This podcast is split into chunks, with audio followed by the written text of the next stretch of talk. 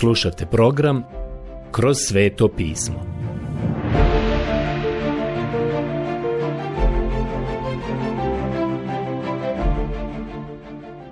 Knjiga Izlazak.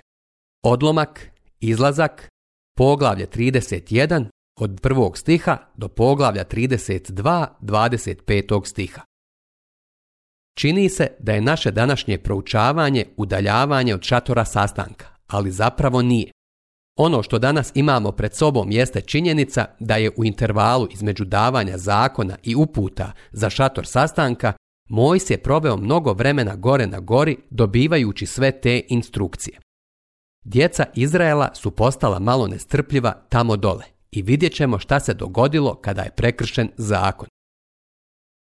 Pozvane su duhom ispunjene zanatlije. U 31. poglavlju se spominju radnici koji su sagradili šator sastanka, a posebno jedan od njih koji je dobio poseban dar za izradu predmeta namještaja. Onih koje je bilo najteže izraditi. Sada čitam počevši od prvog stiha u 31. poglavlju. Još zapovjedi gospodin Mojsiju. Evo, pozvah po imenu Besalela, sina Urije, Hurova unuka, od plemena Judina, i napunih ga duhom Božijim, umjetničkom mudrošću, uviđavnošću, razumom i svakom vještinom, da napravi nacrte i da ih izvede u zlatu, srebru i mjedi, da kleše i ukiva kamen, da reže drvo, ukratko da izrađuje svaki posao. Ujedno mu dadoh druga Oholjaba, sina Ahisamakova, od plemena Danova i svim drugim vještacima u umjetnosti udijelih mudrost da izrade sve što sam ti zapovjedio. Ovdje sada imate popis onih koji su radili sa njim. I ovaj čovjek za kojeg smo saznali da je zasigurno izradio određene stvari, a također je napravio i odjeću. On i njegovi pomoćnici. Oni su za izradu toga dobili poseban dar. Duh Božji ih je osposobio za to. Moglo bi se postaviti pitanje je li Besalel bio zanatlija ili je prije bio umjetnik. Mišljenja sam da je bio i umjetnik. Ovaj čovjek je radio sa zlatom i srebrom i sa svim tim delikatnim stvarima. Da bi to mogao učiniti za Boga, dobio je poseban dar za to. Moj osjećaj je da što god je čovjek spreman učiniti, to je stvar koju bi trebao učiniti, osim ako mu Bog jasno ne kaže da učini drugačije. Drugim riječima, mislim da danas postoji mnogo ljudi koji su opremljeni za obavljanje određenih tehničkih stvari koje su potrebne u gospodnjem dijelu. Također vidim da ima onih koji ne mogu govoriti, a ipak žele govoriti. Znam dosta laika koji samo odluče da će biti govornici, a nisu osposobljeni za to. Oni nemaju čak ni neki sličan dar, a ipak će početi propovijedati i govoriti riječ, a istovremeno ti ljudi imaju izvanredne darove u drugim oblastima, ali neiskorištene. Ja poznajem jednog čovjeka koji radi na radiju. On je tehnički stručnjak, ali želi govoriti. Činjenica je da on ima poseban dar. Mislim pri tome da ima dar za radio. Zbog toga ja ne mislim da bi on trebao govoriti. Mislim da bi se trebao ograničiti na dar koji mu je Bog dao. Isto tako vjerujem da u današnjoj crkvi postoje razne stvari koje treba učiniti i za koje nam Bog daje posebne darove. Sjećam se kad sam bio pastor u Nešvilu. Imao sam džakona u crkvi koji mi je došao prvog dana kada sam bio postavljen za pastora. Taj čovjek me poznavao još iz vremena kada sam ja bio dječak. On mi je tada rekao, Vernone, nikad me nemoj pozvati da vodim molitvu. Rekao je, ja se apsolutno i na smrt prestrašim tada. Ne znam zapravo šta da kažem u takvim trenucima. Imam tremu od nastupa. Još mi je rekao. Znam da je to nenormalno, ali ja jednostavno ne mogu to prevladati. Pravim budalu od sebe kada pokušavam govoriti u javnosti. Istovremeno, ovaj čovjek je bio izvršni direktor na svom radnom mjestu. Činjenica je da je on bio nadzornik tramvajske kompanije, i bio je zadužen za njihovu cjelokupnu opremu. To je sigurno bila pozicija sa velikim odgovornostima, ali rekao mi je još i ovo. Vidi, ja imam tremu i ne mogu raditi ništa javno, ali ako postoji nešto što želite uraditi oko ove crkve, nešto što mogu uraditi lično, individualno, samo mi javi i bit će mi drago to učiniti. I reći ću vam vrlo iskreno, nikada nisam imao divnijeg pomagača od tog čovjeka.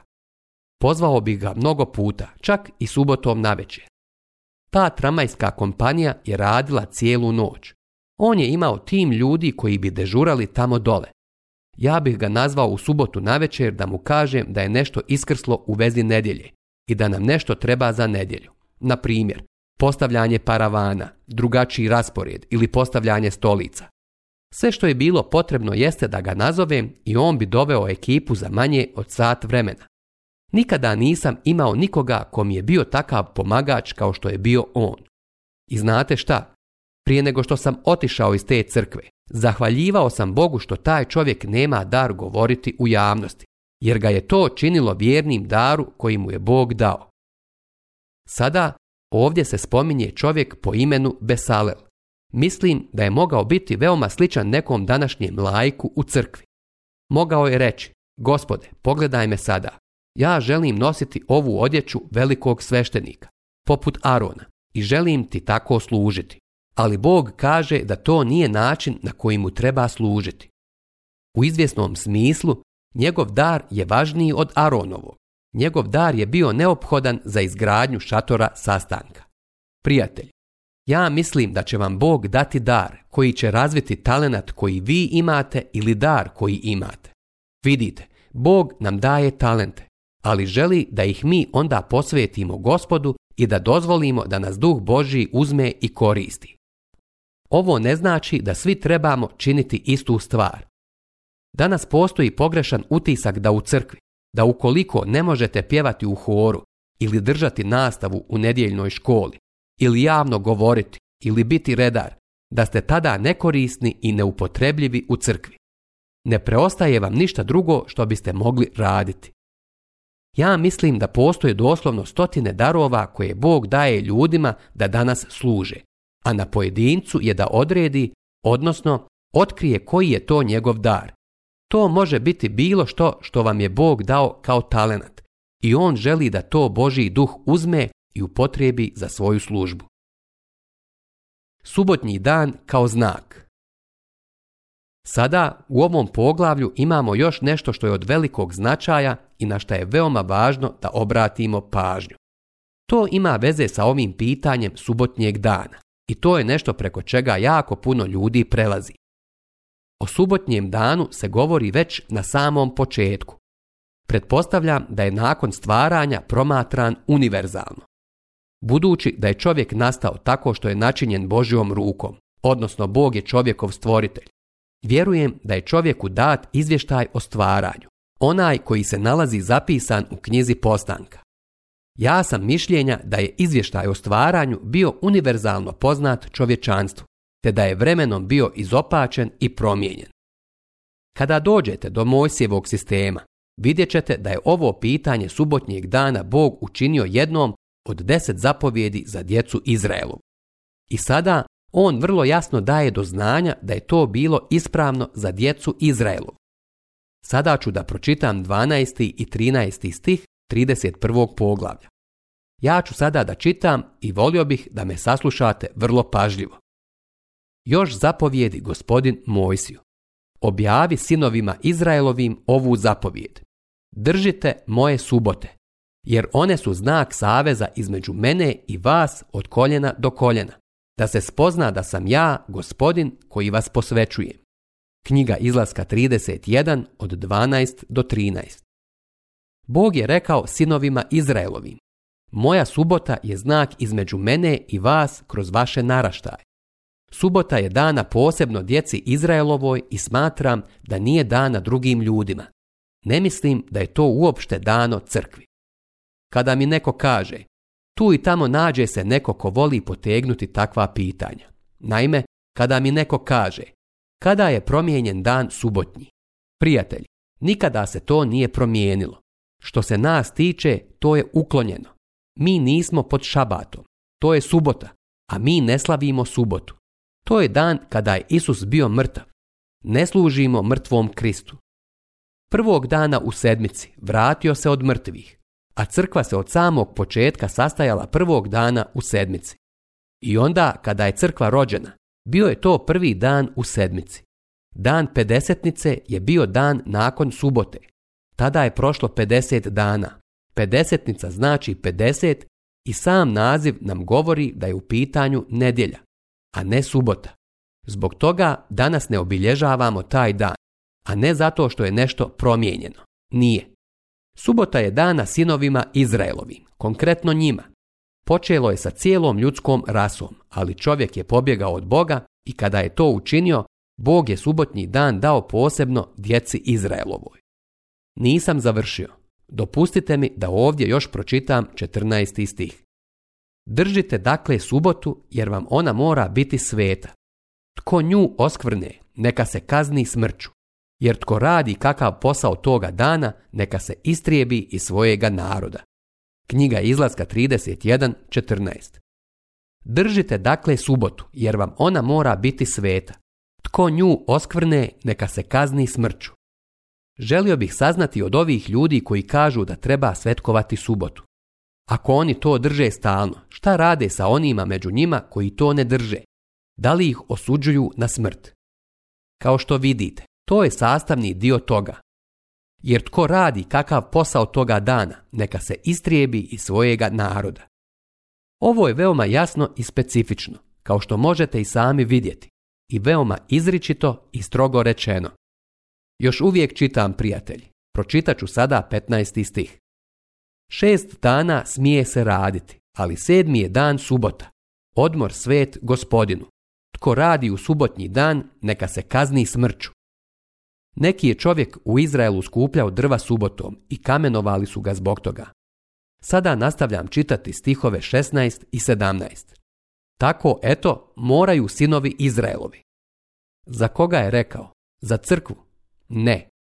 Držati subotu i od koljena do koljena svetkovati subotu kao obvezu što vječno vrijedi. Ona neka bude znak saveza između mene i sinova Izraelovih za vječna vremena jer je u šest dana stvorio gospodin nebo i zemlju, ali je sedmi dan odpočinuo i svetkovao. Knjiga izlaska 31, 16 do 17. Izraelci su zemaljski narod koji pripada prvom stvaranju. Crkva je novo stvorenje, nova tvorevina i ima novi dan, a taj novi dan je prvi dan u sedmici.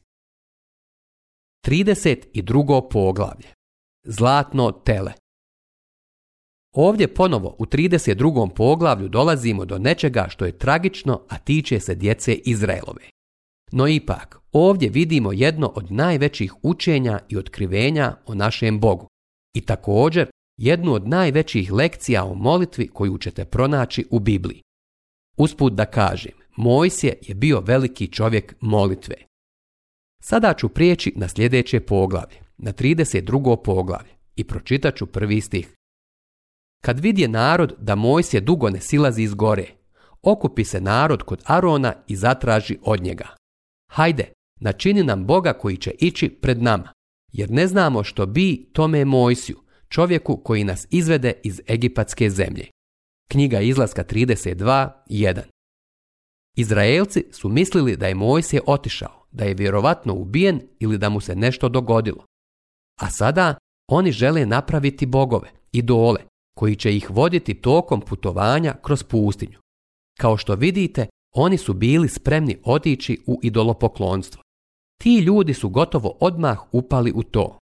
Molim vas, zapazite šta se dogodilo. Pomislili biste da će ih Aron odmah spriječiti da uđu u idolopoklonstvo. Ne, Aron to nije učinio. Aron je i sam krenuo sa njima. Upao je u liberalizam ljudi koji su željeli da se vrate u idolopoklonstvo. Pročitat ću sada drugi stih. Aron im odgovori. Poskidajte zlatne naušnice što ih nose na ušima vaše žene, sinovi i kćeri i donesite mi ih. Knjiga izlaska 32.2 Da li ste znali da su naušnice u to vrijeme bile znak idolopoklonstva? Bio je to znak da ti ljudi služe bogovima Egipta. To su značile naušnice. Sada su oni trebali donijeti te svoje naušnice. Sav narod poskida zlatne naušnice što ih je nosio na ušima i donese ih Aronu. On ih uze od njih. Prijatelj, molim vas obratite sada pažnju na ono što kaže. I Aron je u svemu ovome. Preli ih i načini od njih liveno tele. Tada povikaše. Ovo je Bog tvoj Izraele, koji te izvede iz egipatske zemlje. Kad to vidje Aron, načini žrtvenik pred njim. Tada Aron proglasi glasno. Sutra je svetkovina u čast gospodinu. Knjiga izlaska 32, 3 do 5. Da li možete zamisliti te ljude? Kako su mogli tako brzo ponovo upasti u otpadništvo?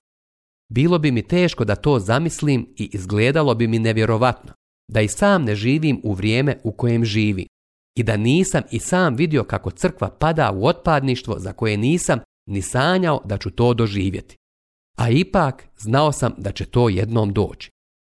Molim vas, zapazite šta se ovdje dalje događa. Sutradan rano ustadoše, žrtvovaše žrtvu paljenicu i prinesoše žrtvu mirotvornu. I posjeda narod da jede i pije. Onda se digoše da plešu. Knjiga izlaska 32.6 Ovo znači da je tamo bio veliki nemoral.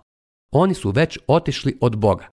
Rekli su da će držati sve njegove zapovjedi, a sada ne drže ni jednu od njih. Otpadništvo Izraelaca Zapazite sada sedmi stih. Mojsije je na gori, prima zakon i instrukcije i nacrt za šator sastanka. Ali gospodin reče Mojsiju, idi, siđi dolje, jer tvoj narod što si ga izveo iz egipatske zemlje čini zlo. Brzo zađuše iz puta što sam im ga zapovjedio načiniše sebi liveno tele, pokloniše mu se, prinesoše mu žrtvu i povikaše. Ovo je Bog tvoj Izraele, koji te izvede iz egipatske zemlje. Još reče gospodin Mojsiju, promatrao sam taj narod i vjeruj mi, to je narod tvrda vrata. Knjiga izlaska 32, 7 do 9. Prijatelji, Bog nije otkupio Izraelce zato što su bili superiorni ili veliki ili dobri, nisu bili ništa od ovoga. Bog kaže da je znao da su oni narod tvrdog vrata. Sad me pusti da se raspali moj gnjev na njega i da ga uništim, ali tebe ću učiniti velikim narodom. Knjiga izlaska 32.10 To je za Mojsija bilo pravo iskušenje. Bog kaže, sada Mojsije, iskoristit ću tebe kao što sam učinio sa Abrahamom. Napravit ću od tebe veliki narod, a i dalje ću održati svoj savez koji sam sklopio sa Abrahamom. Zapazite sada šta je Mojsije uradio. Evo primjera jedne od najvećih molitvi u Svetom pismu. Hoćete li sada pogledati sa mnom na trenutak ovu molitvu? Mojsije je gledao kako bi ublažio gospodina, Boga svojega, pa reče Zašto gospodine da se raspaljuje tvoj gnjev na tvoj narod, što si ga izveo iz egipatske zemlje snagom velikom i rukom jako. Knjiga izlaska 32.11 Dakle, Bog je rekao Mojsiju, Mojsije, siđi dole zbog svog naroda koji si izveo iz zemlje egipatske. Mojsije sada zaista uzvraća i odgovara Bogu. Nema tu bilo kakvih pobožnih riječi i pobožnog brbljanja koje danas čujem u molitvama mnogih vjernika. Mislim da danas ima jako puno licemjerja u nekim našim molitvama. Nije ni čudo što su molitveni sastanci tako mrtvi. Kada bismo iskreno i otvoreno razgovarali sa Bogom, to bi bio jedan od najuzbudljivijih sastanaka u crkvi. Bog kaže Mojsiju, taj tvoj narod koji si izveo iz zemlje Egipatske, oni griješe. A Mojsije je na to rekao, gospode, mislim da si pogriješio, ne sjećam se da sam ja ikada izveo neke ljude iz Egipta i želim da znaš da oni nisu moj narod. Slušajte što Mojsije govori. Oni su tvoj narod, ti si ih izveo iz zemlje Egipatske i učinio si to tvojom moćnom rukom. Ja ih nisam mogao izvesti. Pogriješio si gospode. Možete li zamisliti da neko tako razgovara sa Bogom? Mojsije je još rekao, gospode, oni su tvoj narod, oni nisu moj narod. Ti si ih izveo. Nisam ja to učinio. Bilo je to prvo što je Mojsije rekao. Poslušajte šta je drugo rekao. Zašto da mogu govoriti Egipćani? Lukavo ih izvede da ih pomori u gorama i da ih istrijebi sa zemlje. Odvrati se od raspaljenoga svojega gnjeva i neka ti bude žao zbog zla što si ga namijenio svojemu narodu. Knjiga izlaska 32.12 ono što Mojsije kaže je zapravo sljedeće. Gospode, oni su tvoj narod. Izveo si ih iz zemlje Egipatske, ali također pretpostavi šta će se desiti ukoliko ih ne odvedeš u obećanu zemlju. Zašto da Egipćani kažu? Njihov bog ih je mogao izvesti iz Egipta, ali nije ih mogao odvesti u obećanu zemlju. Zbog toga ih moraš odvesti u zemlju. Zbog toga ćeš ih morati odvesti u zemlju. Oni su tvoj narod i ti si obećao da ćeš ih odvesti u obećanu zemlju. Molim vas obratite pažnju na treći razlog koji Mojsije daje Bogu. Spomeni se Abrahama, Izaka i Izraela, slugu svojih kojima si se sam sobom zakleo i obećao. Umnožit ću vaše potomstvo kao zvijezde na nebu i svu tu zemlju o kojoj sam govorio dat ću vašim potomcima i oni će je zauvijek posjedovati. Knjiga izlaska 32.13 Sjeti se Abrahama, Izaka i Izraela. Gospodine, obećao si njima da ćeš to učiniti. Sjećate se, na isti način je Bog pozvao i Mojsija. Rekao je, sjećam se svog saveza. Mojsije sada samo podsjeća Boga na to. Zapazite sada šta piše dalje. Tada se sažali gospodinu zbog zla kojim se bio zaprijetio svom narodu. Knjiga izlaska 32.14 Prijatelji, Kažem vam da je to pokrenulo Božju ruku, kada je je tako molio. Mislim da bismo vidjeli više odgovora na naše molitve kada bismo mi bili malo iskreniji u molitvi pred Bogom, odnosno imali bismo vidljivije odgovore. Mislim da mi uvijek dobijemo neki odgovor. Mislim da gospod većini nas govori ne, jer mu se zapravo ne molimo iskreno. Zapazite sada šta Mojsije radi. Pomislili biste da će sada sići i blago pristupiti djeci Izraela. Ne, neće biti tako. Poslušajte ga. Mojsije se vrati i siđe s gore s obje ploče zakona u ruci. Ploče su bile napisane na obje strane. Sprijeda i straga su bile napisane. Od samoga Boga bile su ploče izrađene i pismo je bilo pismo Božije, urezano na ploče. Kad Jošua začu veliku viku naroda, reče Mojsiju, Bojna je vika u taboru i vjerujte mi, bila je. Ali on odgovori. Nije to pobjednička vika, a niti vika pobjeđenih. Čujem samo pjevanje. Knjiga izlaska 32, 15 do 18. Prijatelji, oni su se dobro zabavljali tamo dole dok su obožavali to zlatno tele i bili su potpuno u grijehu. Kad se približi taboru, ugleda tele i ples. Tada se Mojsije razgnjevi baci ploče iz ruke i razbiji ih pod gorom. Uze tele što su ga bili načinili, spali ga u ognju i satre ga u prah, što ga prosu u vodu i to dade piti sinovima Izraelovim. I vjerujte mi da je to bilo gorko. I reče Mojsije Aronu, što ti učini ovaj narod te mu nanese tako tešku krivnju? Knjiga izlaska 32, 19 do 21. Poslušajte sada Aronov izgovor i opravdanje za sve to.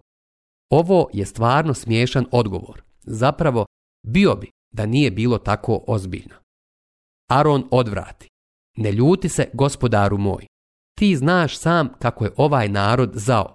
Zatražiše od mene, načini nam Boga koji će ići pred nama. Jer ne znamo što je tome mojstju, čovjeku koji nas izvede iz egipatske zemlje.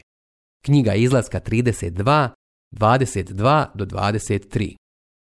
Drugim riječima, oni zapravo krive Mojsija. Mojsije nas je napustio, pa ćemo se mi okrenuti zlatnom teletu. Poslušajte sada 24. stih. Ja im rekoh, tko ima zlata, neka ga skine sa sebe i da mi ga. Prijatelji, poslušajte ovo.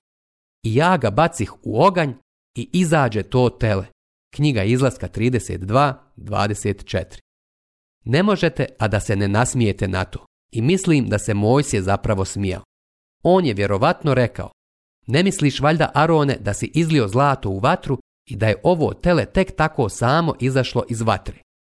To je zapravo ono što je Aron pokušavao reći. Ali sjećate se da je rekao ovdje da je primio zlato u ruke i oblikovao ga alatom.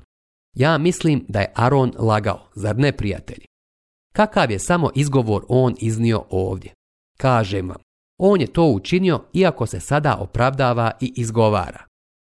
Kad je vidje da je narod bio tako razuzdan jer mu je Aron bio popustio uzde na zluradost njihovih neprijatelja. Knjiga izlaska 32.25 Prijatelj, današnji problem golotinje, slobodnog seksa i droge nije ništa novo. Mislim da ako dobro pogledate na ove ljude, Vidjet ćete sve to upravo ovdje kod njih. I sada vidimo ljutitog Mojsija. Kaže vam da je bio veoma ljut, iako ste ranije mogli primijetiti da je bio vatreni zagovornik za ove ljude. Mojsije je uhvatio Božje srce koje je pokrenulo Božju ruku. Ali sada ćemo vidjeti da Mojsije još uvijek ima molitvu koju će uputiti Bogu za te ljude. Međutim, morat ćemo pričekati do sljedećeg puta da to vidimo. Dakle, ljubljeni moji, neka vas dotada Bog blagoslovi.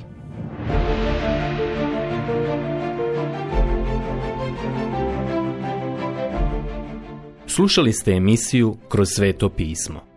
Možete nas slušati i na našem YouTube kanalu putem mobilne aplikacije, te na svim glavnim podcast platformama kao što su Google, Apple i Spotify.